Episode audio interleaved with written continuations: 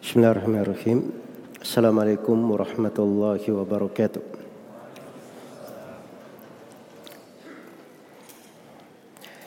إن الحمد لله نحمده ونستعينه ونستغفره ونعوذ بالله من شرور أنفسنا وسيئات أعمالنا من يهده الله فلا مضل له ومن يضلل فلا هادي له أشهد أن لا إله إلا الله وحده لا شريك له وأشهد أن محمدا عبده ورسوله. يا أيها الذين آمنوا اتقوا الله حق تقاته ولا تموتن إلا وأنتم مسلمون. يا أيها الناس اتقوا ربكم الذي خلقكم من نفس واحدة وخلق منها زوجها وبث منهما رجالا كثيرا ونساء. واتقوا الله الذي تساءلون به والأرحام. إن الله كان عليكم رقيبا. يا أيها الذين آمنوا اتقوا الله وقولوا قولا سديدا. يصلح لكم أعمالكم ويغفر لكم ذنوبكم. ومن يطع الله ورسوله فقد فاز فوزا عظيما أما بعد. فإن أصدق الحديث كتاب الله وخير الهدي هدي محمد صلى الله عليه وسلم وشر الأمور محدثاتها فإن كل محدثة بدعة وكل بدعة ضلالة وكل ضلالة في النار معاشر الإخوة والأخوات رحماني ورحمكم الله Kita di pembahasan seputar Aqaid As-Salaf rahimahumullahu taala keyakinan dan akidah yang dinukil oleh para ulama as-salaf yang terdahulu yang berasal dari Nabi Shallallahu Alaihi Wasallam dan para sahabatnya. Di dalam buku yang kita akan kaji ini, ini mengumpulkan tiga i'tiqad, tiga pembahasan akidah dinukil oleh ulama-ulama yang terkenal di masanya. Insyaallah taala kita di silsilah Kemilau Akidah As-Salaf ini kita akan kaji dari pembahasan-pembahasan akidah di tengah para aimatus salaf. Yaitu jumlahnya ada ratusan akidah para ulama as-salaf rahimahumullahu taala. Cuman karena jarang didengarkan oleh kebanyakan dari penuntut ilmu apalagi terhadap umat Islam secara umum akhirnya kadang timbul dan muncul orang-orang yang meragukan pada akidah-akidah Islam yang sebenarnya itu adalah hal yang lebih jelas daripada matahari yang terbit di siang bolong di tengah para ulama. Akidah-akidah itu dalam penulisan di dalam buku-buku dan karya-karya itu tertulis dari tertulis dan ternukil dari masa ke masa. Dan ini insyaallah taala silsilah pembahasan untuk menampakkan dari akidah-akidah tersebut. Ini buku ada tiga isinya ya dari etikat as-salaf di dua hari ini kita akan mengkaji salah satu darinya. Iya. Baik. Jadi yang pertama di sini pembahasan tentang akidah atau etikat Kutaibah Ibnu Sa'id Al-Balkhi rahimahullahu taala. Yang akan kita kaji di pertemuan selama dua hari ini. Setelah itu ada akidah yang dinukil oleh Abu Hatim dan Abu Zur'ah Ar-Razi rahimahumullah. Kemudian yang ketiga nanti ada akidah yang dinukil oleh Imam Al-Bukhari rahimahullahu taala dari lebih seribu guru beliau. Dan akan datang pembahasan akidah yang lainnya, akidah Sufyan al-Thawri, akidah Ali bin al-Madini, akidah sebelumnya Abdullah bin al-Mubarak, akidah Imam Malik, akidah Imam Syafi'i, akidah Imam Ahmad. Itu semuanya buku-buku akidah terkenal di kalangan para as-salaf. Iya. Supaya kita tahu bahwa pembahasan-pembahasan akidah ini ini bukan pembahasan baru. Tapi dia itu ilmu terwarisi dan sudah ada dari masa dahulu. Cuman kekurangan manusia di masa sekarang dia cuma kenal misalnya buku Sahih Al-Bukhari, Sahih Muslim, Sunan At-Tirmidzi, Sunan Abi Daud, Sunan An-Nasai dan Sunan Ibnu Majah itu populer. Padahal buku-buku akidah itu tadi keyakinan di tengah para ulama as-salaf itu lebih terkenal daripada itu semuanya di masa dahulu. Lebih terkenal di masa dahulu. Iya. Dan terwarisi. Nah, inilah yang perlu kita kembali untuk mengkajinya, mempelajarinya. Dan ciri akidah yang benar itu itu adalah akidah keyakinan yang dikenal di kalangan para a'immah seperti Kutaiba bin Said ini atau imam empat Imam Abi Hanifah, Imam Malik, Imam Ash-Syafi'i dan Imam Ahmad. Para a'immah sebelum mereka dan setelah mereka yang pembahasan-pembahasan itu kembali kepada para tabi'in, para sahabat mereka mengambilnya dari Nabi sallallahu alaihi wasallam. Iya. Karena itu nukilan-nukilan akidah as-salaf itu sangat kuat sekali di tengah para ulama terpelajari.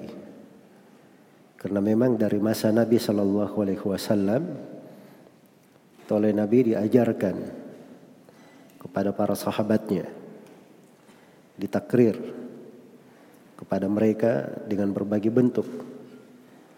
Anak-anak mudanya saja itu bercerita seperti dalam hadits Jarir bin Abdullah radhiyallahu anhu ketika beliau berkata bahwa kunna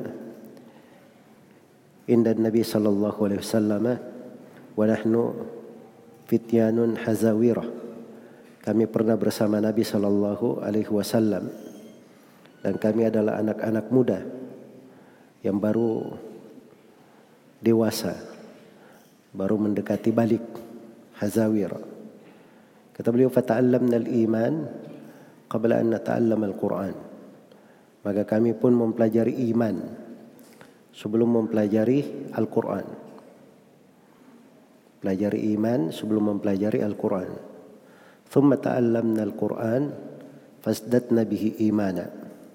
Setelah itu kami mempelajari Al-Quran maka kami bertambah keimanan. Jadi iman dulu sebelum belajar Al-Quran. Belajar iman. Apa itu belajar iman? Nah, itu di antaranya masuk di dalamnya dari pembahasan-pembahasan akidah di tengah para ulama as-salaf rahimahumallahu taala. Makanya para as-salaf itu mereka tidak ada keraguan di dalam pembahasan-pembahasan akidah mereka. Tidak ada keraguan di dalam pembahasan akidah mereka. Iya. Di antara contoh bagaimana keteguhan akidah di tengah para sahabat radhiyallahu taala anhum adalah kisah yang menakjubkan ketika salah seorang tabi'in yang bernama Ibnu Dailami rahimahullahu taala bertanya kepada para sahabat tentang keraguan-keraguan yang dia temukan di dalam dirinya. Iya. Dia menemukan di dalam dirinya ada keraguan seputar takdir. Maka Ibnu Dailami bercerita tentang hal tersebut. Iya. Kata Ibnu Dailami rahimahullahu taala, Ataitu Ubayya ibnu Ka'b radhiyallahu anhu. Saya mendatangi Ubay bin Ka'ab radhiyallahu anhu. Ubay bin Ka'ab ini dari ulama sahabat. Dari ulama sahabat. Dan Ubay bin Ka'ab waktu itu tinggalnya di Syam. Maka didatangi oleh Ibnu Dailami. Namanya Abdullah bin Fairuz. Abdullah bin Fairuz. Kata beliau, "Fakultu lahu waqa'a fi nafsi syai'un min al-qadar. Fahaddithni bi syai' la'alla Allah ayudhibahu min qalbi." Kata Ibnu Dailami, saya berkata telah terjadi pada diriku sesuatu tentang takdir. Maksudnya saya tertimpa keraguan, syubhat menimpa saya seputar takdir. Kata beliau, "Fahaddithni bi syai'in." Ceritakanlah kepadaku sesuatu Beri saya sesuatu ilmu. La'allallah yudhibahu min qalbi. Semoga Allah menghilangkan keraguan ini dari hatiku. Iya. Itu orang-orang di masa dahulu seperti itu jalannya. Kalau dia ada masalah agama, ada keraguan, maka dia tanya kepada para ulama. Dia bertanya kepada orang yang berilmu. Dia datang kepada orang yang berilmu, bertanya. Dan kadang untuk itu dia melakukan perjalanan-perjalanan untuk satu masalah yang terjadi. Seperti akan datang nanti ketika terjadi bid'ah qadariyah tentang takdir di Basrah. Itu ulama Basrah melakukan perjalanan dari Basrah yang berada di Irak melakukan perjalanan haji atau umrah ke Mekah untuk berjumpa dengan para sahabat bertanya tentang hal itu. Padahal bid'ahnya itu bid'ah yang jelas. Itu bid'ah yang sangat menyimpang. Tapi bersama dengan itu mereka tanyakan kepada para sahabat radhiyallahu taala anhum. Sama Ibnu Dailami ini. Ini sekarang dia tanya kepada Ubay bin Ka'ab. radhiyallahu anhu. Ubay bin Ka'ab itu tinggal di Syam. Setelah itu dia tanya lagi kepada Ibnu Mas'ud. Ibnu Mas'ud tinggalnya di Kufa. Dia tanya juga kepada Hudzaifah bin Yaman juga di Kufa. Dia tanya kepada Zaid bin Thabit. Zaid bin Thabit di Medina. Ini dia tanya kepada para sahabat tempat tinggalnya beraneka ragam. Kemungkinan besarnya dia juga melakukan perjalanan untuk hal tersebut. Untuk hal tersebut. Dan ini berbeda ya dengan kenyataan banyak dari para penuntut ilmu di masa sekarang. Iya. Untuk mengadakan perjalanan menuntut ilmu itu bisa dikatakan sesuatu yang aneh di dalam dirinya. Sesuatu yang aneh di dalam dirinya. Kok bisa melakukan perjalanan? Bagaimana caranya melakukan perjalanan? Padahal perjalanan itu untuk belajar dan menuntut ilmu itu adalah jalannya para nabi. jalannya para sahabat, jalannya para tabi'in dan para ulama. Dan para ulama untuk mendapatkan dari keyakinan yang benar, akidah yang benar, kadang mereka berjumpa dengan guru-guru.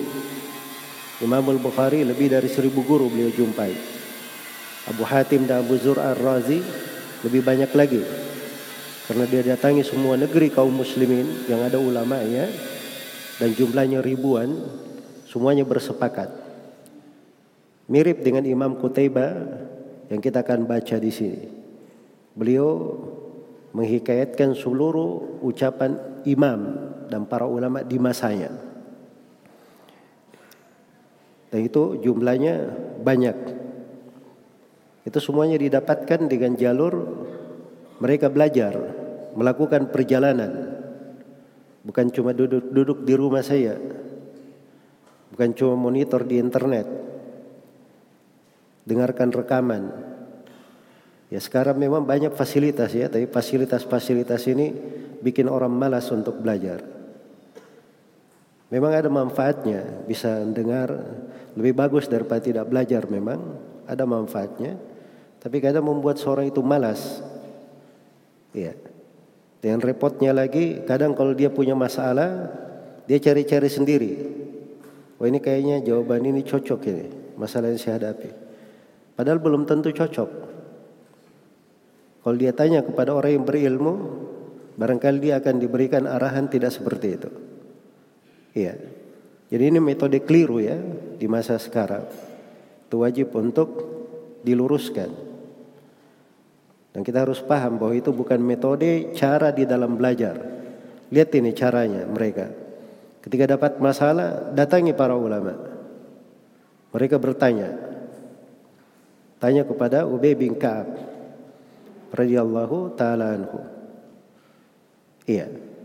Supaya bisa hilang syubhat itu. Bisa hilang syubhat itu di dalam hati. Dan itu antum akan lihat hal-hal itu kalau duduk dengan orang-orang yang berilmu. Duduk dengan orang-orang yang berilmu. Subhanallah ya kita saya itu kadang di sebagian tahun di musim haji atau saya haji beberapa kali saya duduk di majelis guru saya Syekh Shalal Fauzan. Ini di pembahasan-pembahasan fikih itu jawaban-jawabannya sangat kuat sekali dan meyakinkan. Sangat kuat dan meyakinkan. Hal-hal tersebut alhamdulillah sudah kita pelajari. Tapi mendengarkan ucapan mereka itu ada sesuatu di hati yang membuat kita semakin yakin dengan apa yang kita pelajari. Dan itu memang tidak didapatkan kecuali dengan jalur belajar, menuntut ilmu, selalu mengulangi, punya semangat, dan tidak membiasakan diri dengan duduk-duduk saja di rumah hanya mengikuti secara online saya datangi masjid-masjid. Jangan cuma kumpul di satu masjid saya datangi dari majelis-majelis para ulama orang-orang yang mengajarkan ilmu ambil dari ahli sunnah begitu caranya barulah seorang itu akan melihat keberkahan pada ilmu yang dia pelajari dia akan melihat kemanfaatan. Itu akan memberi tasbit, kekuatan. Itu jalannya para ulama. Itu jalannya para ulama. Karena itu tidak ada seorang pun dari ulama Islam yang menjadi panutan manusia dari masa ke masa kecuali jalan belajar mereka dan cara mereka mengambil ilmu adalah seperti itu.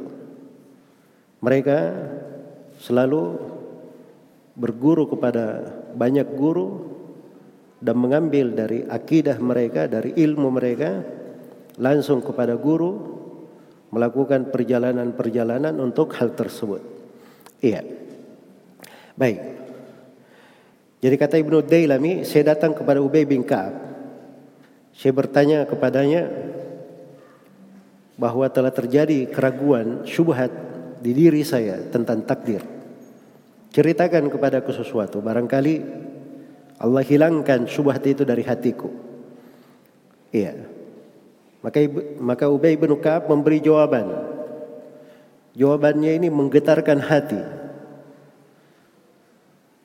Jawabannya menggetarkan hati dan menghilangkan syubhat. Faqala maka beliau berkata, "Lau anna Allah adzaba ahla samawatihi wa ahla ardihi adzabahum wa huwa ghairu zalimin lahum." Sungguhnya kata beliau andai kata Allah menyiksa seluruh penduduk langit dan buminya maka Allah menyiksa mereka tanpa mendolimi mereka walau rahimahum kanat rahmatuhu khairan lahum min amalihim Kemudian kata beliau, andai kata Allah merahmati mereka, maka rahmat Allah lebih baik daripada seluruh amalan mereka. Itu sudah dua. Walau anfaqta mithla Uhudin dhahaban fi sabilillah ma qabilahu Allah minka hatta tu'mina bil qadar. Kemudian yang ketiga kata beliau, andai kata engkau berinfak di jalan Allah sebanyak gunung Uhud, Allah tidak akan menerimanya dari kamu hingga engkau beriman kepada takdir. Hingga engkau beriman kepada takdir. وتعلم أن ما أصابك لم يكن ليخطئك وأن ما أخطأك لم يكن ليصيبك لم يكن ليصيبك Kemudian engkau mengetahui bahwa apa-apa yang menimpamu tidak akan meleset darimu. Dan apa-apa yang meleset darimu, Allah takdirkan meleset darimu, itu tidak akan menimpamu.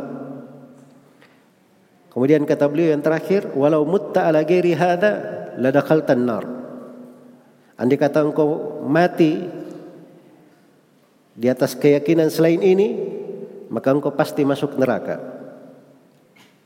Engkau pasti akan masuk neraka. Itu keyakinan itu. Ada di hati para sahabat. Ini Ubay bin Ka'ab. Kata Ibnu Dailami, "Thumma ataitu Abdullah ibnu Mas'ud, faqala misla dhalik." Kemudian saya datangi Abdullah bin Mas'ud. Ternyata Ibnu Mas'ud juga berucap sama persis seperti itu. Thumma Ataitu itu Hudzaifah ibn al-Yaman radhiyallahu anhuma. Setelah itu saya datangi Hudzaifah ibn al-Yaman radhiyallahu anhuma wa ni sahabat ajmain. Maka Hudzaifah juga faqala misla dalik. Dia juga berucap hal yang sama. Thumma ataitu Zaid ibn Thabit radhiyallahu anhu.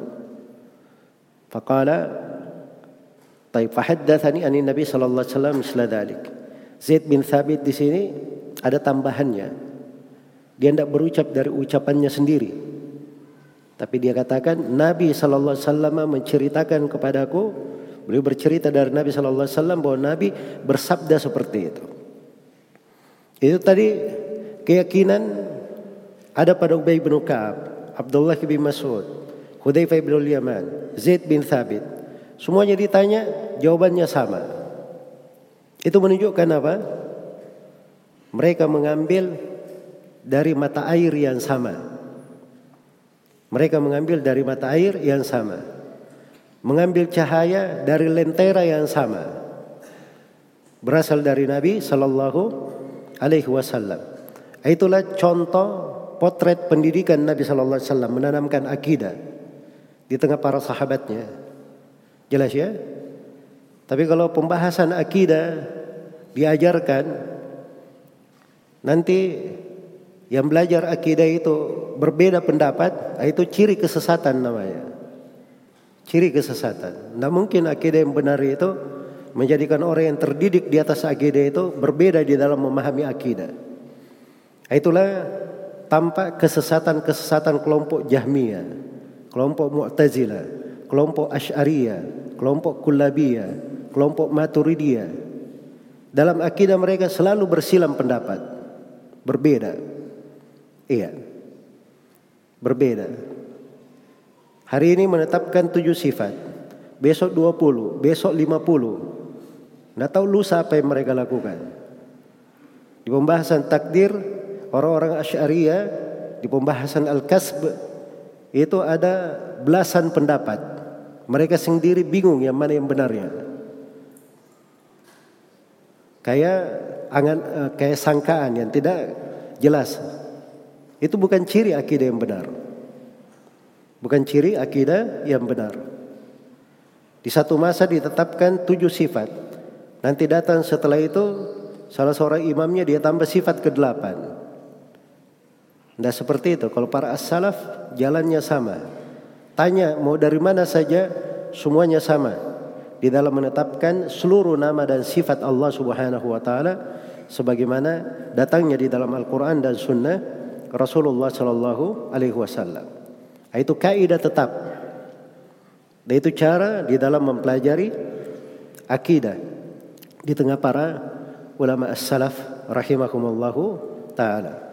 Karena itu penting sekali maknanya, sangat penting artinya seorang itu mempelajari tentang akidah para as-salaf.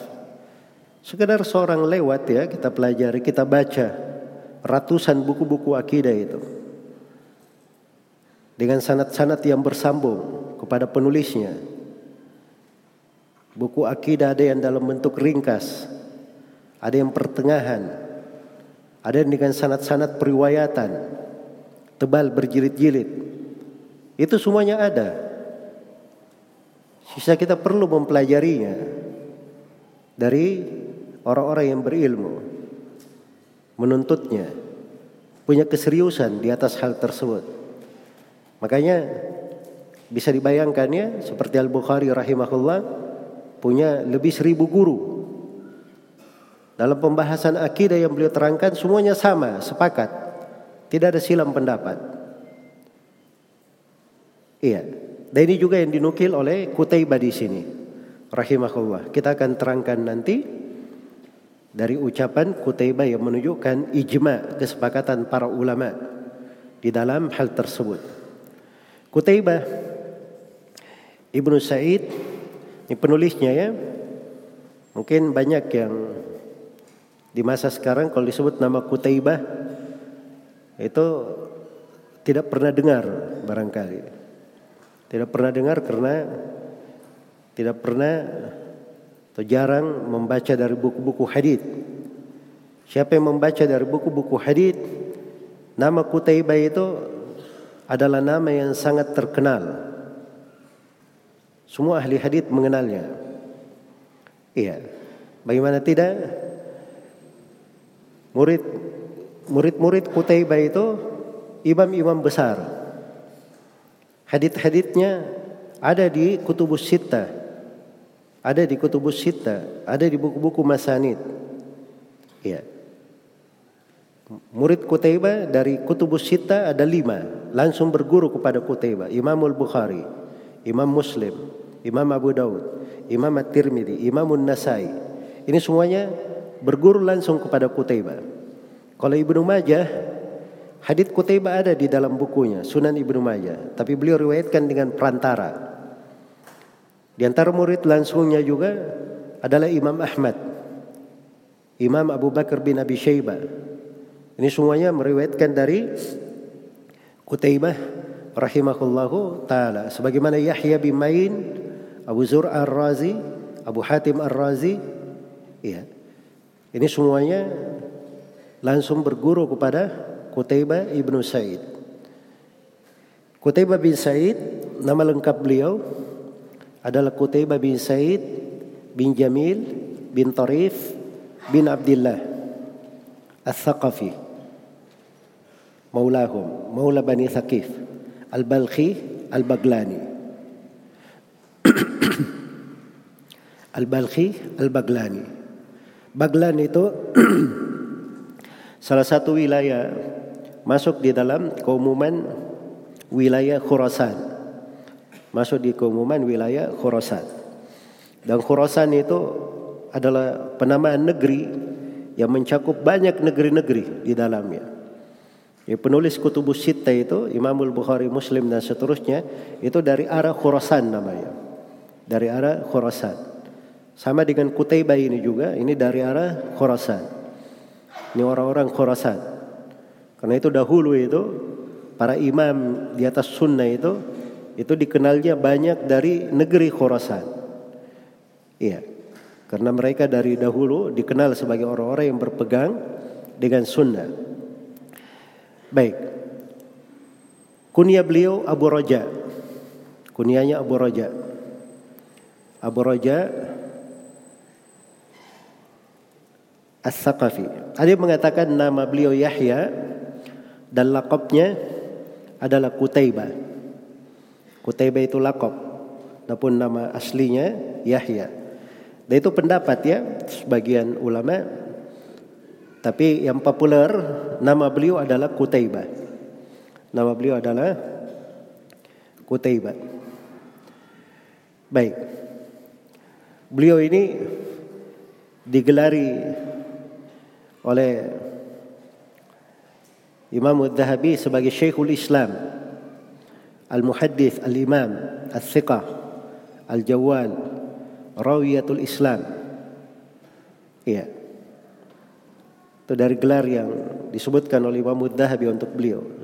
Syekhul Islam, ahli hadith, imam, orang yang sangat terpercaya, berkeliling ke pelosok-pelosok negeri kaum muslimin dan perawi dari yang tersohor dari umat Islam. Kata Ibnu Hibban rahimahullah kana minal mutkinina fil hadith al mutabahhirina fi sunani wa intihaliha Kata beliau Kutaibah ini dari orang yang sangat mutkin. Mutkin di dalam hadis dan sangat luas pengetahuannya. Mutabahir, mutabahir itu dari kata laut ya. Melaut pengetahuannya. Artinya laut itu luas. Sangat luas dan dalam pengetahuannya tentang sunnah-sunnah. Dan bagaimana dia mengikuti sunnah tersebut. Iya. Kutaibah bin Said berguru dari para imam di masanya. Berguru dari para imam di masanya. Beliau berguru kepada Imam Malik, berguru kepada Imam Al-Laits bin Sa'ad, imamnya negeri Mesir, berguru kepada Hamad bin Zaid, imamnya negeri Basrah, berguru kepada Abdullah bin Al-Mubarak, imamnya penduduk Masyrik. Iya. Dan berguru kepada Al-Fudail bin Iyad, ini imamnya negeri Hijaz, berguru kepada Hushaim bin Bashir, berguru kepada Jarir Ibnu Abdul Hamid dan selainnya dari para aimah.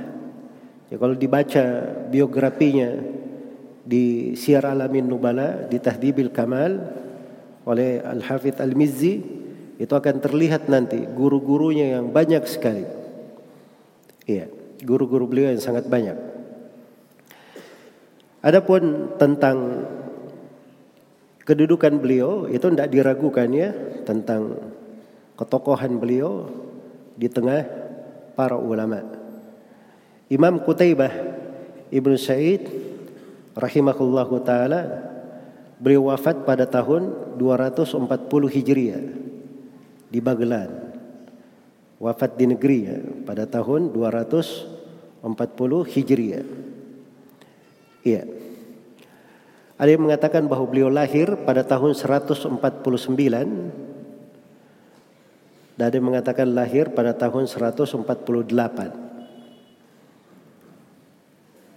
Ada yang mengatakan lahir pada 149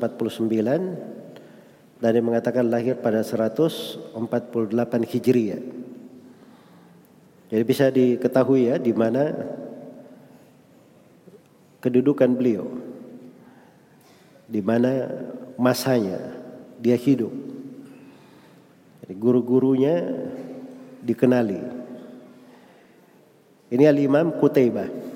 Adapun akidah yang kita akan baca ini ini diriwayatkan secara riwayat oleh Imam Abu Ahmad Al-Hakim Al-Kabir. Imam Abu Ahmad Al-Hakim. Nama beliau Muhammad bin Muhammad bin Ahmad Ibnu Ishaq An-Naisaburi Al-Hakim Al-Kabir. Dia punya buku namanya Syiaru Ashabil Hadid. Syiar Ashabil Hadid. Nah, di buku itu sekarang dicetak ya, Tuh bisa lihat di buku Syiar Ashabul Hadid di halaman 34 sampai 39.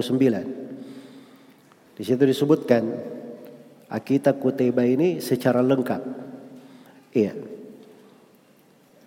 dan dicetak di dalam cetakan-cetakan di masa sekarang buku ini dan kita Kutaiba dimasukkan di sebagian buku yang memuat tentang matan-matan keyakinan di tengah para as-salaf ya dicocokkan dengan beberapa manuskrip. Adapun sanad periwayatannya ini tidak diragukan sanatnya bersambung kepada Imam Kutaibah Ibnu Said. Iya. Kemudian akidah ini dari Kutaibah Ibnu Said rahimahullahu taala itu datang potongan-potongan akidahnya, potongan-potongan pembahasan akidah ini dinukil oleh para imam. Dinukil oleh para imam. Seperti dinukil oleh Abu Uthman As-Sabuni di dalam Aqidatus Salaf wa Ashabil Hadith beliau nukil beberapa ucapan Qutaibah bin Said di buku itu demikian pula dinukil oleh Al-Khatib Al-Baghdadi rahimahullahu taala dari Qutaibah Ibnu Said sebagian dari ucapan Qutaibah yang berada di dalam akidah ini. Iya. Sebagaimana dinukil oleh para a'immah rahimahullah yang menunjukkan keabsahan penisbatan buku ini kepada Qutaibah bin Said tidak diragukan. Dan disebutkan pula oleh uh, Qawamus Sunnah Abu Ismail Al-Asbahani rahimahullahu taala dalam kitabnya Al-Hujjah fi Bayanil Mahajja disebut oleh Syekhul Islam Ibn Taimiyah dalam bukunya Darut Ta'arid Al-Aqli wan Naql. Yang disebut oleh Imam Dhahabi dalam Kitabul Ulu disebut juga oleh Ibnul Qayyim dalam Ijtima' juyush jadi ini penukilan para ulama dari berbagai masa. Menukil dari akidah Qutaibah bin Said ini menunjukkan bahwa ini akidah adalah akidah yang populer syah penisbatannya dari Qutaibah Ibnu Said rahimahullahu taala iya Baik. Jadi kalau kita hitung pembahasan-pembahasan akidah dari nukilan akidah Qutaibah bin Said itu riwayatnya banyak dari potongan-potongan akidah yang beliau ucapkan. Tapi terkumpul di dalam satu buku, satu riwayat, itu diriwayatkan oleh Abu Ahmad Al-Hakim di dalam kitab Syiar Ashabil Hadith. Dan ini akan inilah yang menjadikan uh, matan kita di dalam buku ini. Jadi buku ini yang di antum pegang akidah Imam Qutaibah bin Said itu berasal dari kitab Syiar Ashabil Hadith karya Abu Ahmad Al-Hakim. Baik. Kita akan masuk di dalam pembahasan buku ini. Di halaman 11 ya. Di halaman 11 ini akidah yang pertama dari tiga rasail di sini. Ini akidah al-Imam Qutaibah bin Said Al-Balkhi rahimahullah. Baik. Kalau ada tanda judul di atas kemudian ada dua kurung, itu berarti itu klasifikasi judul dari saya. Di bawahnya pembahasan, pembahasan itu poin-poinnya itu juga dari saya untuk memudahkan sistem pembelajaran. Ada matannya, itu yang akan disebut itu matan dari buku ini. Ya disebut dulu bahasa Arabnya, setelah itu ada terjemahannya. Itulah matan dari buku ini dari ucapan Imam Qutaibah bin Said rahimahullah. Imam Abu Ahmad Al-Hakim berkata, ini tadi Abu Ahmad Al-Hakim Al-Kabir Kenapa dikatakan Abu Ahmad Al-Hakim Al-Kabir? Hah? Antum pernah dengar nama Al-Hakim? Di hadith-hadith misalnya dikatakan diriwayatkan oleh Imam Al-Hakim. Nah, itu Al-Hakim itu yang biasa dinisbatkan hadith itu Al-Hakim As-Sagir. Itu Al-Hakim As-Sagir namanya. Itu namanya Muhammad bin Abdullah bin Al-Bayy Abu Abdullah kunyanya. Penulis kitab Al-Mustadrak. Kalau ini di atasnya lagi, dia lebih tua sebelumnya. Makanya dikatakan Abu Ahmad Al-Hakim Al-Kabir. Dia penulis kitab Al-Kuna dicetak ya belakangan dalam empat jilid. Ya. Karya-karya tulis beliau yang sampai kepada kita yang paling terkenal itu Kitabul Kuna dan kitab Syiar Ashabil Hadid. Ini karya Abu Ahmad Al-Hakim namanya Muhammad bin Muhammad bin Ahmad bin Ishaq. Muhammad bin Muhammad bin Ahmad bin Ishaq. Baik. Kata beliau, saya mendengar Kata beliau, saya mendengar Muhammad bin Ishaq As-Thaqafi. Saya mendengar Muhammad bin Ishaq As-Thaqafi. Muhammad bin Ishaq As-Thaqafi ini ya, ini guru dari Imam Qutaibah, uh, guru dari Abu Ahmad Al-Hakim di sini. Itu disebut dengan gelar As-Sarraj. Muhammad bin Ishaq Al-Thaqafi As-Sarraj. Iya. Dan As-Sarraj ini Abu Labbas As-Sarraj ini dari ahli hadith terkenal. Dari ahli hadith terkenal. Bahkan oleh Imam Mudzahabi digelari Al-Hakim menggelarinya sebagai muhaddithu asrihi, ahli hadith manusia di masanya. Dan disebutkan oleh Imam Mudzahabi sebagai al-Imam Al-Hafidh Al-Thiqah Syekhul Islam. Ahli hadithnya negeri Khurasan. Ahli hadith negeri Khurasan. Ini Muhammad bin Ishaq As-Sarraj. Iya. Dan Muhammad bin Ishaq As-Sarraj ini rahimahullah beliau ini lahirnya pada tahun 216 Hijriah dan wafat pada tahun 313 Hijriah. Jadi sangat memungkinkan dari sudut umur dia berguru kepada Qutaibah kepada Qutaibah bin Sa'id. Baik. Jadi ini disebut dengan Muhammad Ibnu Ishaq As-Sarrad As-Thaqafi. Kata beliau saya mendengar Abu Raja Qutaibah Ibnu Sa'id. Saya mendengarkan. Jadi ini bukan sekedar tulisan dia dapat atau dapat cerita. Langsung dia dengar dari Imam Qutaibah. Dia ketemu kepada Imam Qutaibah. Imam Qutaibah menyampaikan akidah ini kepadanya. Menyampaikannya kepadanya. Jadi kata beliau rahimahullahu taala ini kata Qutaibah bin Said Hada qaulul a'immati al-ma'khudhi fil islami was sunnah Ini adalah ucapan para imam yang dipegang dalam Islam dan sunnah Ya.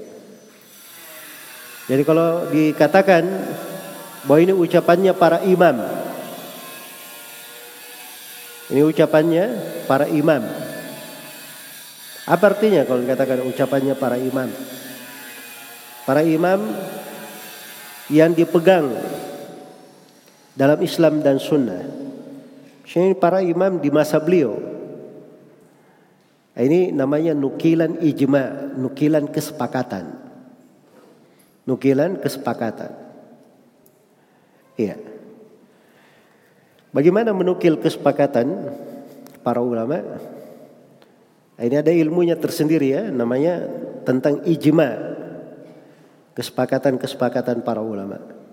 Nah itu biasanya hanya diterima dari ulama-ulama yang berkeliling ke berbagai pelosok negeri dan menghafal ucapan-ucapan para ulama di masanya dan masa setelahnya. Um, uh, di masanya dan masa sebelumnya dihafal ucapan para ulama. Ya kalau seperti beliau berkata sepakat para ulama, itu diterima. Diterima. Iya. Jangankan seperti beliau, ada para imam saja yang datang setelahnya seperti Ibnu Qudama Al-Maqdisi rahimahullah itu menukil kesepakatan-kesepakatan ulama di pembahasan fikih Dan itu diterima oleh para ulama. Sebab diketahui Ibnu Qudamah itu luas ilmunya. Dia hafal ucapan para ulama ahli fikih di masa beliau dan masa sebelumnya sampai kepada masa Nabi Shallallahu Alaihi Wasallam. Jadi kalau beliau berkata ini para ulama sepakat di sini, itu diterima. Jelas ya? Sama dengan Imam Qutaibah di sini. Imam Qutaibah berkata ini ucapan para imam yang ucapannya itu dipegang dalam Islam dan Sunnah. Ini bukan imam di masanya saja, tapi seluruh ulama di masa beliau dan masa sebelumnya. Masa sebelumnya yang ucapannya itu dipegang dalam Islam dan Sunnah. Iya. Karena itu Imam Dahabi rahimahullahu taala setelah menyebutkan ucapan Qutaibah Ibnu Said di sini di pembahasan bahwa Allah beristiwa di atas arsh dari ucapan Qutaibah yang akan datang di buku ini maka Imam Dahabi berkata fahada Qutaibatu fi imamatihi wa sidqihi faqad naqala al-ijma' ala al-mas'alah kata beliau ini Imam Qutaibah di tengah keimaman dan kejujuran beliau beliau menukil kesepakatan menukil kesepakatan tentang masalah ini jadi nukilan ijma' ya kesepakatan para ulama. Iya. Makanya kalau belajar akidah itu dari buku-buku para ulama salaf, hati itu menjadi tenang. Hati itu menjadi tenang. Sebab mereka ini kenal ucapan para imam di masa mereka. Orang yang menghafal hadith-hadith Nabi Shallallahu Alaihi Wasallam dengan berbagai jalur dan riwayatnya. Jadi tenang hati itu tenang hati tersebut. Yang menjadi masalah sebagian manusia di masa sekarang mewajibkan orang belajar akidah dari orang-orang belakangan. Iya. Katanya tidak syah belajar akidah kecuali dari akidah syariah. Dari mana omong kosong itu? Abdul Hasan al-Ash'ari sendiri baru lahir belakangan. Baru lahir belakangan setelah para imam ini. Kemudian Abu Hasan al Ashari sendiri, guru-gurunya dihitung pakai jari. Guru-gurunya dihitung pakai jari. Itu pun dia lepaskan madhab Mu'tazila 40 tahun setelah ketemu dengan seorang ahlul bid'ah lain.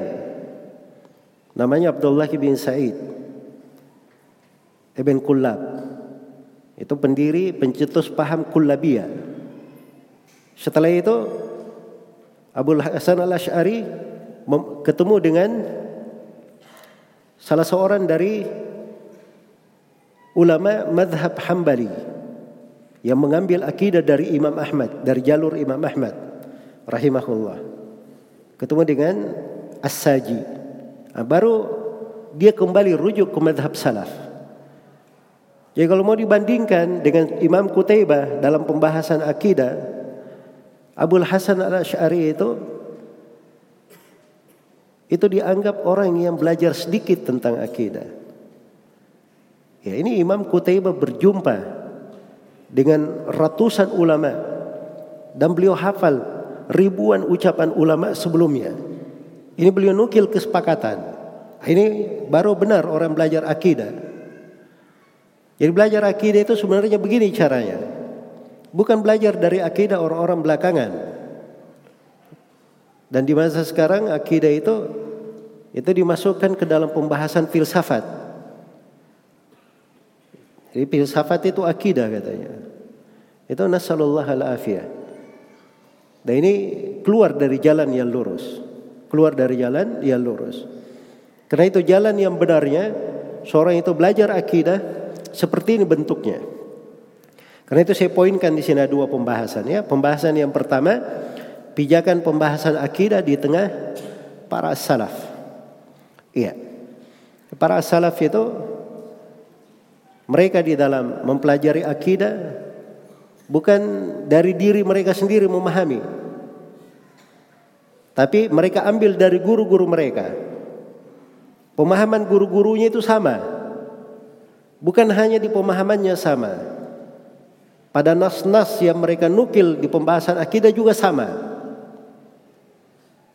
Sama nukilan-nukilannya. Iya, dan itu hebatnya di tengah orang-orang yang belajar akidah salaf.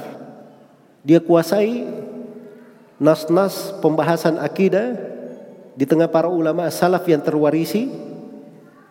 Dan yang kedua dia pahami dengan pemahaman yang sama pula. Pemahaman dengan pemahaman yang sama pula. Makanya ini buku-buku kita baca dari guru mana saja itu akan sama penjelasan guru itu terhadap usul i'tiqad, pokok-pokok akidah yang disepakati oleh para as-salaf. Sama penjelasannya. Tidak berbeda. Iya. Dan itulah keistimewaan akidah para as-salaf rahimahumullahu taala. Baik. Nah, ini pijakannya di sini. Dan di pijakan yang kedua di pembahasan akidah di tengah para as-salaf itu mereka mengambil dari imam yang tersohor tentang Islam dan sunnah. Memang dikenal berpegang dengan Islam dan sunnah Nabi Sallallahu Alaihi Wasallam. Iya. Dikenal dengan keislaman dan sunnah. Jadi ini yang dipegang ucapannya ini ini yang dinukil oleh Kutaibah. Tidak mengambil dari ahlul bidah. Bukan mengambil dari orang yang tidak di atas sunnah. Tapi mereka memilih mengambil akidah itu dari orang-orang yang lurus. Karena itu belajar akidah bukan dari sembarang orang. Wah ini Ustadz ini mengajarkan akidah juga. Akidah apa yang diajarkan? Lihat. Akidah apa yang diajarkan? Oh diajarkan buku-buku para ulama salaf. Bagus. Pertanyaan berikutnya, dia mengambil akidah itu dari siapa? Dia pelajari dari siapa? Oh dia baca sendiri, belajar sendiri. Itu tidak boleh belajar dari orang-orang seperti itu. Kalau dia hanya baca dari buku saya, tidak pernah berguru, itu tidak boleh mengambil ilmu darinya. Akidah itu tidak diambil dari orang-orang yang cuma memahami dari buku. Tapi akidah diambil dari orang yang mengambil akidahnya dari guru juga. Dia pahami dari guru. Gurunya mengambil juga dari guru-gurunya. Guru-gurunya begitu seterusnya sampai kepada para imam. Iya. Sampai kepada para imam. Dan Alhamdulillah di masa sekarang ini saya menjumpai banyak dari guru-guru ahli sunnah, dari para ulama ahli sunnah. Kita baca dari buku-buku akidah as-salaf dan kita dengarkan mereka menjelaskan buku-buku akidah as-salaf. Dan pembahasan mereka semuanya sama. Apa yang mereka pahami juga sama. Iya. Di dalam pembahasan-pembahasan akidah tersebut. Dan ini dari hal yang memberikan keteguhan kepada seorang yang mempelajari akidah Islam yang terwarisi dari Nabi sallallahu alaihi wasallam. Baik. Jadi itu pijakan yang kedua. Jadi yang pertama tadi akidah itu diambil dari kesepakatan para aima yang disepakati oleh para ulama. Kemudian yang kedua, akidah itu diambil dari jalur guru-guru. Ditalaki langsung. Kemudian yang ketiga, akidah itu diambil dari ulama ahli sunnah. Orang yang berada di atas Islam dan sunnah. Bukan berada di atas bid'ah dan kesesatan. Iya. Bukan berada di atas bid'ah dan kesesatan. Tapi dia berada di atas Islam dan sunnah. Itu tiga metode di dalam mempelajari akidah para as-salaf rahimakumullahu taala. Yang pertama akidah itu diambil dari ijma, kesepakatan para ulama, ulama Islam yang terkenal di dalam hal itu. Kemudian yang kedua diambil dari jalur guru, langsung berguru kepada guru. Buku-bukunya jelas, rujukannya jelas, sanad periwayatannya juga bersambung. Sisa bagaimana dia mengambil dari guru. Bukan cuma dia baca dari guru, tapi diambil pemahaman. Diambil pemahaman tentang hal tersebut. Iya. Kemudian yang ketiga, dia mengambil dari ulama Islam yang tetap di atas sunnah, di atas Islam dan sunnah, bukan ahlul bidah, bukan ahlul bidah. So kalau dia mengambil dari ahlul bidah, itu akan merusak pemahamannya. Apalagi di masa sekarang ini. Orang-orang kadang di pembahasan akidah sebagiannya bagus, sebagiannya rusak. Ada di pembahasan akidah secara umum dia ahli sunnah. Tapi kalau masuk di pembicaraan masalah pemerintah, dia itu ahlul bidah. Di pembahasan seputar pemerintah. Ada juga sebagian manusia dia mengajarkan buku-buku akidah salaf. Tapi kalau sudah masuk di pembahasan tentang politik, itu pemikiran ikhwanul muslimin. Tidak ada asal usulnya dari para as-salaf. Maka ini orang-orang berbahaya. Jelas ya? Orang-orang berbahaya. Karena itu kadang ada sebagian orang yang tidak paham. Masalahnya nggak belajar akidah. Makanya dia tidak peka dalam hal-hal yang seperti itu. Wah ini kan ustadz bagus ini, mengajak kepada sunnah. Ucapannya bagus, lulusan Medina juga. Kalimat-kalimatnya bagus, didengarkan. Dia pakai dalil juga, cinta kepada as-salaf juga. Tapi di pembahasan pemerintah, akidahnya mirip khawarij, pemahamannya seperti ikhwanul muslimin, ini orang-orang jangan mengambil darinya. Iya. Kalau bertanya kepada orang yang berilmu, dia akan tegas berkata, jangan mengambil dari orang yang seperti itu. Itu orang yang berilmu. Sebab dia tahu bahaya pemikiran itu. Dia tahu pemikiran itu akan ke mana. Tapi kalau orang-orang jahil, oh itu nggak ada masalah. Nggak usah ribut-ribut lah. Di masa sekarang ini orang perlu kenal sunnah. Kita pelan-pelan. Sebab dia nggak ngerti tentang bahaya dari suatu bidah. Iya. Mereka tidak pelajari pembahasan-pembahasan akidah itu. Dan dia tidak mengerti bagaimana pemikiran bidah itu masuk di tengah negeri-negeri sunnah dulunya. Masuknya itu pelan-pelan, sedikit-sedikit. Dari pembahasan-pembahasan kecil tadinya, satu dua masalah, akhirnya berubah menjadi pemahaman ahlul bidah masuk ke negeri tersebut. Sebab dari awal cara berpikirnya seperti itu. Oh, tidak usah di ini. Dia juga kan ahli sunnah di sebagian hal.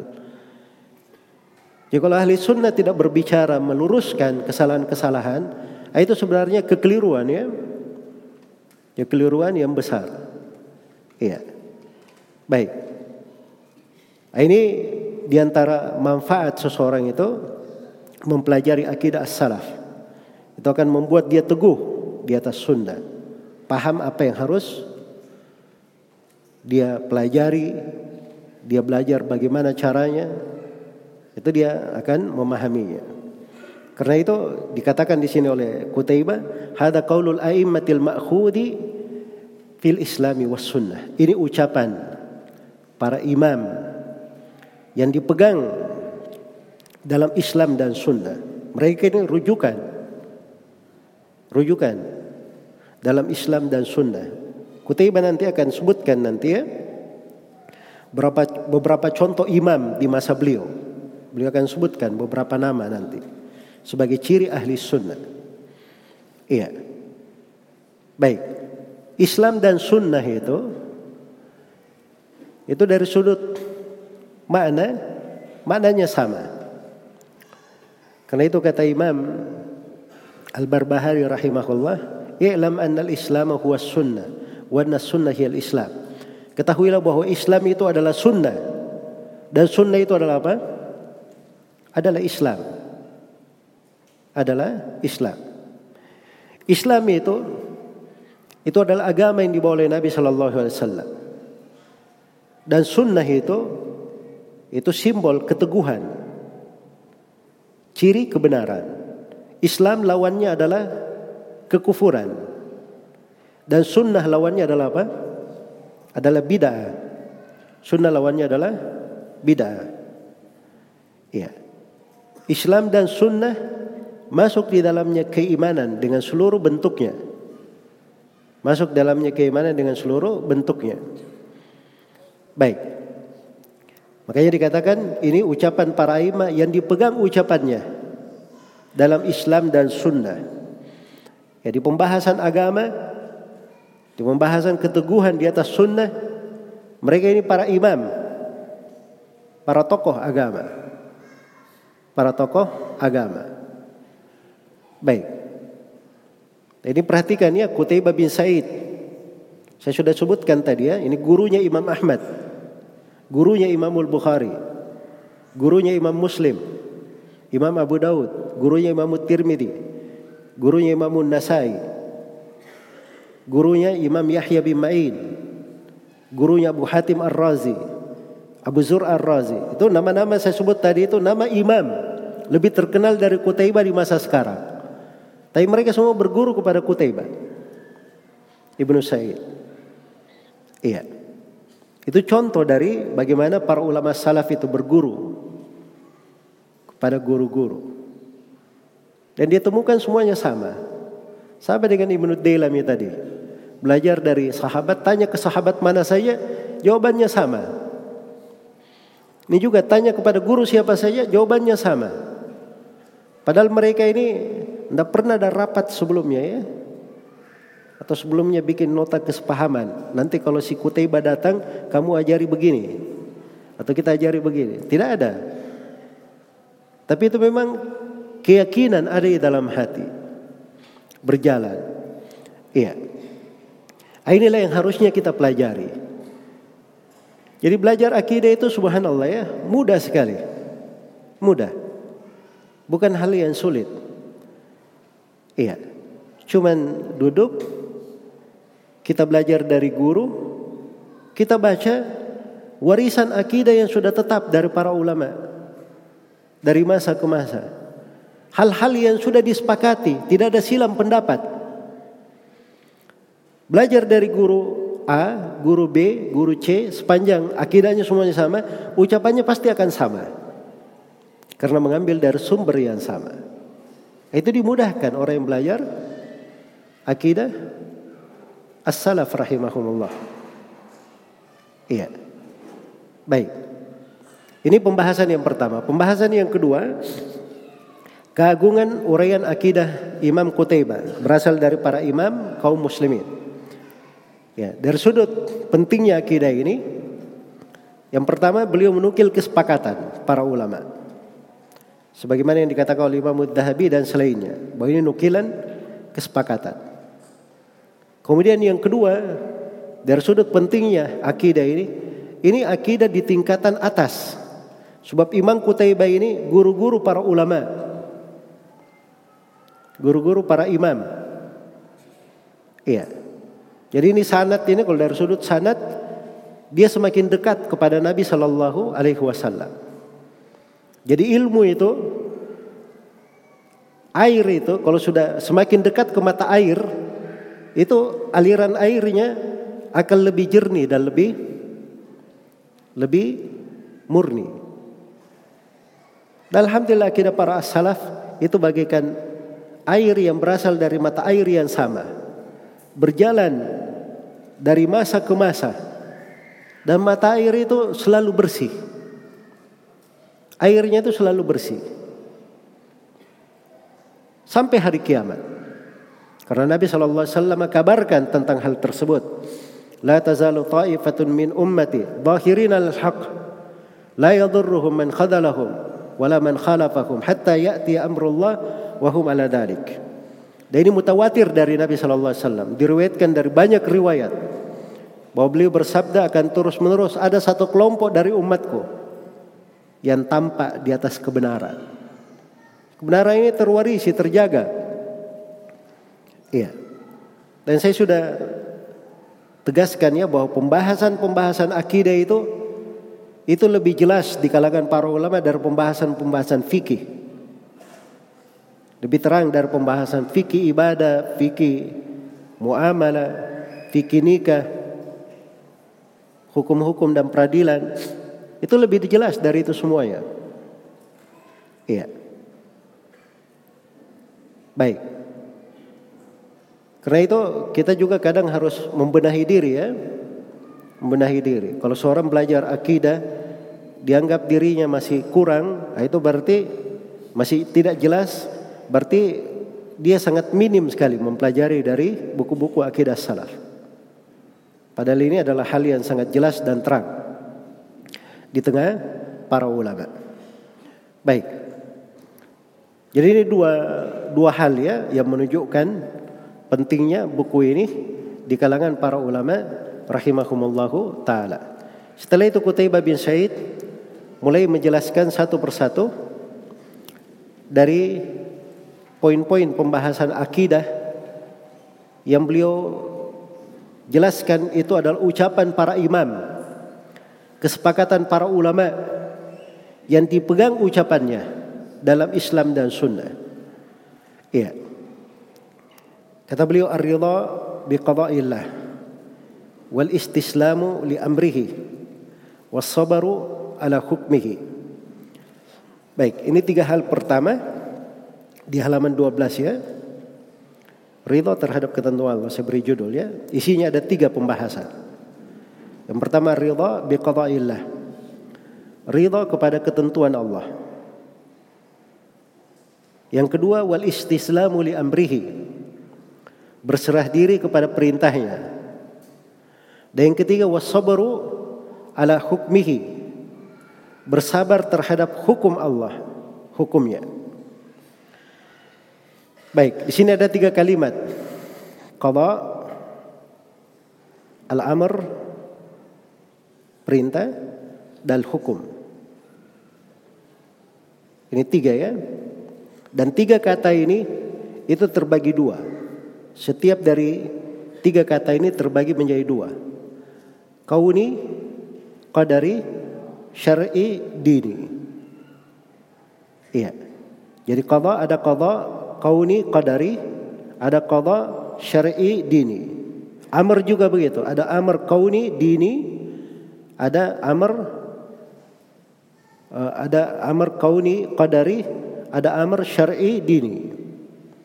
Sama dengan hukum. Hukum juga terbagi dua. Ada hukum kauni qadari dan ada hukum syar'i dini. Semuanya terbagi menjadi dua. Dan ini dari tiga kalimat ini dari 14 kata yang hukumnya itu terbagi dua. Ada 14 kata di pembahasan-pembahasan. Bukan cuma ini saja.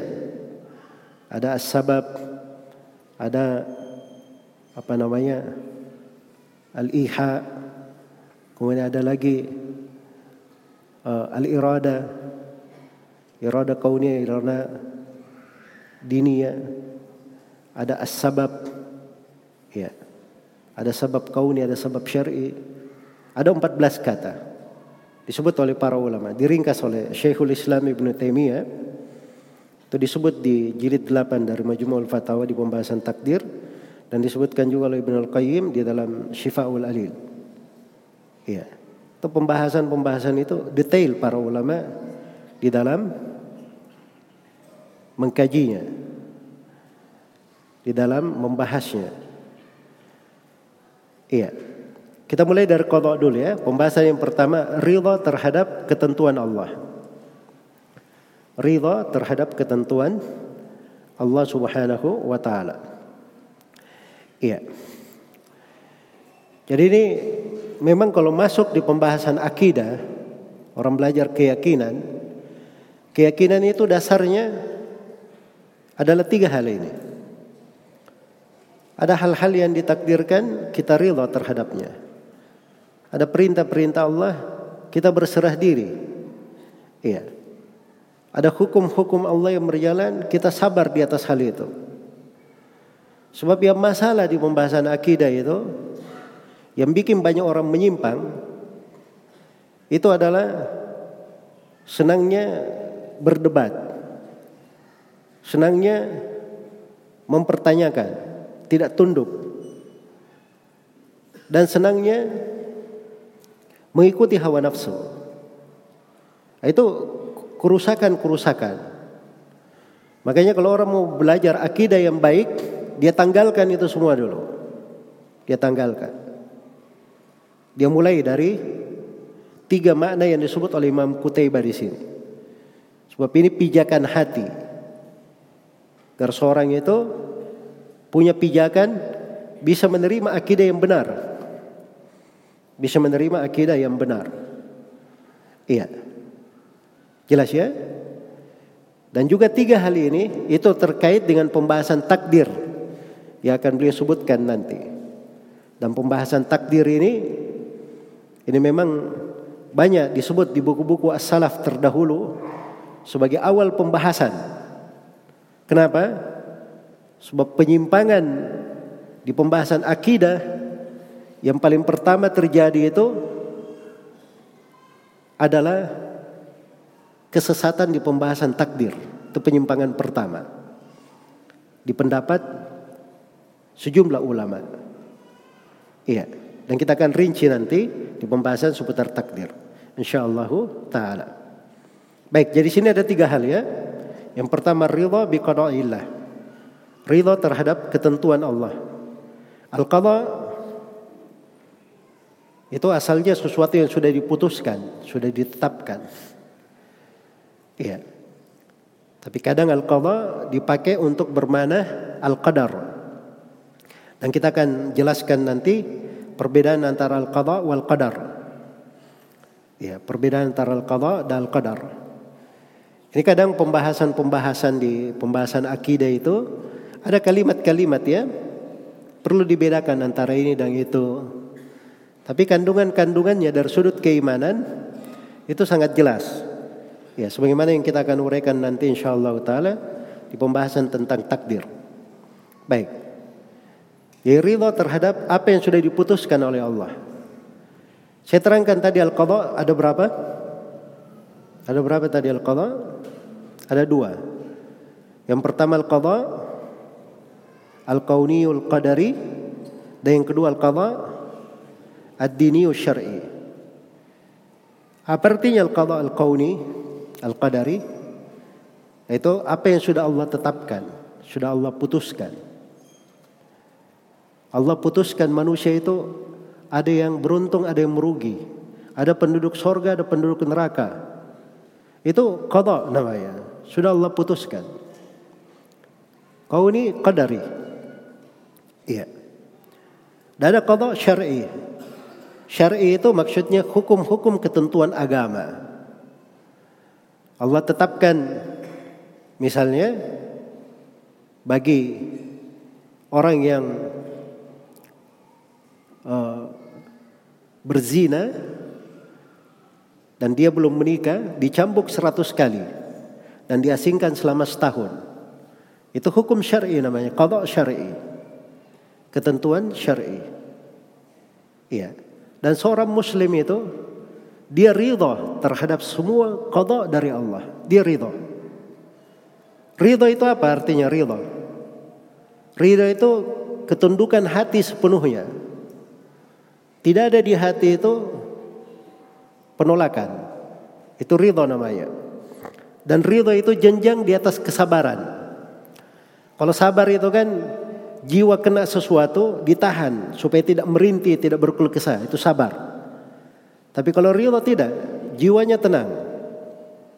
Dia menerima ya. Itu ridho namanya. Ridho terhadap ketentuan Allah. Iya. Itu adalah sifatnya orang-orang yang beriman. Makanya dari keindahan mereka dikatakan di akhir hayatnya ya ayatuhan nafsul mutmainnah irji'i ila rabbiki radiyatan mardiyah wahai jiwa yang tenang kembalilah engkau kepada Rabbmu dalam keadaan ridha dan diridhai. Iya dalam keadaan ridha dan diridhai. Jadi dia ini ridha kepada Allah Subhanahu wa taala pada segala ketentuan dan hukumnya pada apa yang Allah tetapkan. Itu sifat orang yang beriman. Itu yang pertama. Kemudian yang kedua listislam li amrihi. Berserah diri kepada perintahnya. Perintah juga ada dua. Ada kauni qadari dan ada dini syar'i. Perintah Allah takdir ketentuan Allah. Iya. Innama qauluna li syai'in idza aradnahu an naqula lahu kun fayakun. Sungguhnya ucapan kami pada sesuatu kalau kami menghendakinya maka kami berkata terjadilah hari itu. Terjadi maka terjadi hal itu. Itu perintah namanya. Kauni qadari. Apa yang Allah tetapkan terjadi, Allah apa yang Allah perintahkan terjadi, maka itu akan terjadi.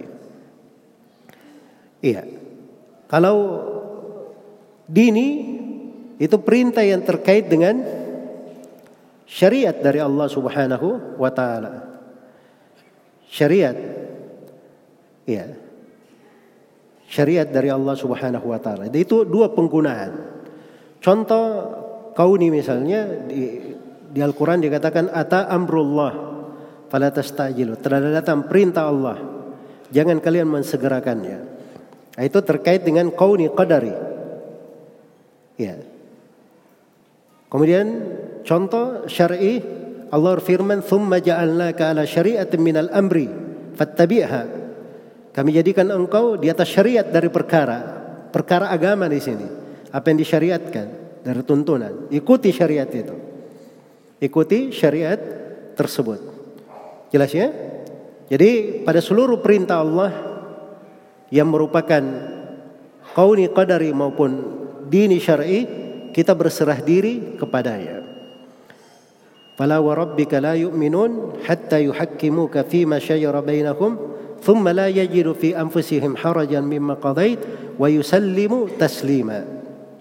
Itu sifat mereka menerima perintah-perintah Allah itu dengan segala bentuk penerimaan. Dengan segala bentuk penerimaan, tidak ada penolakan. Dia berserah diri kepadanya. Sami'na wa ata'na. Kami mendengar dan kami taat di dalam hal tersebut. Kemudian yang ketiga, as-sabru ala hukmihi, bersabar terhadap hukumnya. Hukum terbagi berapa? Terbagi dua. Ada hukum kauni, qadari, dan ada hukum dini, syar'i. Hukum kauni, qadari, itu kita sabar terhadap ketentuan Allah pada takdirnya. Ini kena musibah. Ini keluarganya meninggal. Ini ditakdirkan dia bangkrut. Ini ditakdirkan dia sukses. Ditakdirkan dia kaya. Ini takdirkan miskin. Itu semua ketentuan hukum-hukum Allah. Kita terima itu, kita sabar terhadap hukum yang Allah tetapkan dari sudut kauni qadari. Sebagaimana hukum Allah yang syar'i, dini, kita juga sabar.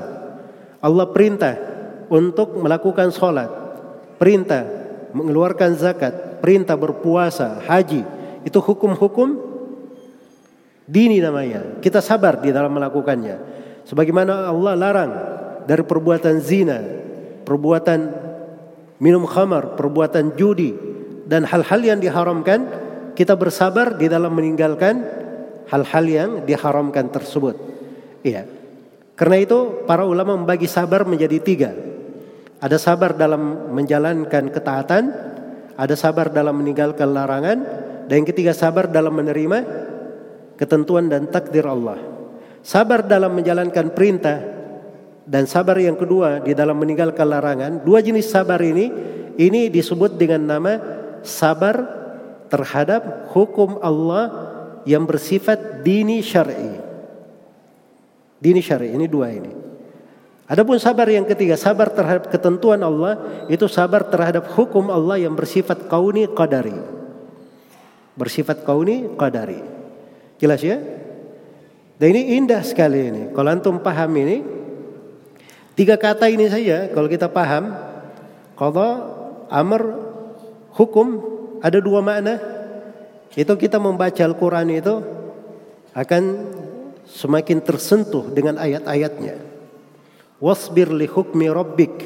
Allah perintah, sabarlah kamu terhadap hukum Rabbmu. Nah, kita tahu hukum ada dua di sini. Kita sabar semuanya terhadapnya. Pada hukum kauni, syar'i, dini maupun eh, pada hukum kauni qadari maupun pada hukum syar'i dan dini. Kita sabar semua. So, hukum di situ mencakup dua-duanya. Mencakup dua-duanya. Jadi ketika seorang membaca dari ayat-ayat Al-Quran, maka itu akan terurai dengan jelas kandungan dan makna-makna ya. Jadi ini tiga hal ya diuraikan oleh penulis rahimahullah taala di sini sebagai awal pembahasan ada dua sudutnya. Sudut yang pertama ini sebagai pembuka untuk masuk ke pembahasan akidah. Orang yang ingin mempelajari akidah tiga hal ini penting pada dirinya. Ridho terhadap ketentuan Allah, berserah diri terhadap perintahnya dan sabar akan hukumnya. Ini tiga hal. Dan sudut yang kedua, tiga hal ini itu ada kaitannya dengan pembahasan takdir yang akan disebutkan oleh penulis rahimahullahu taala di kelanjutan buku ini. Dan pembahasan takdir ini ini dari pembahasan pokok di tengah para akidah as-salaf. Karena di masa dahulu penyimpangan yang pertama terjadi di tengah umat Islam adalah di pembahasan takdir. Makanya beliau sebut di sini sebagai pembahasan yang paling pertama untuk memperkenalkan akidah di tengah para imam, para ulama yang dipegang ucapannya dalam Islam dan sunnah. Baik, kita akan lanjutkan insyaallah taala setelah salat duhur. Subhanakallahumma wa bihamdik asyhadu an la ilaha illa anta astaghfiruka wa atubu ilaik walhamdulillahi rabbil alamin. Assalamualaikum warahmatullahi wabarakatuh.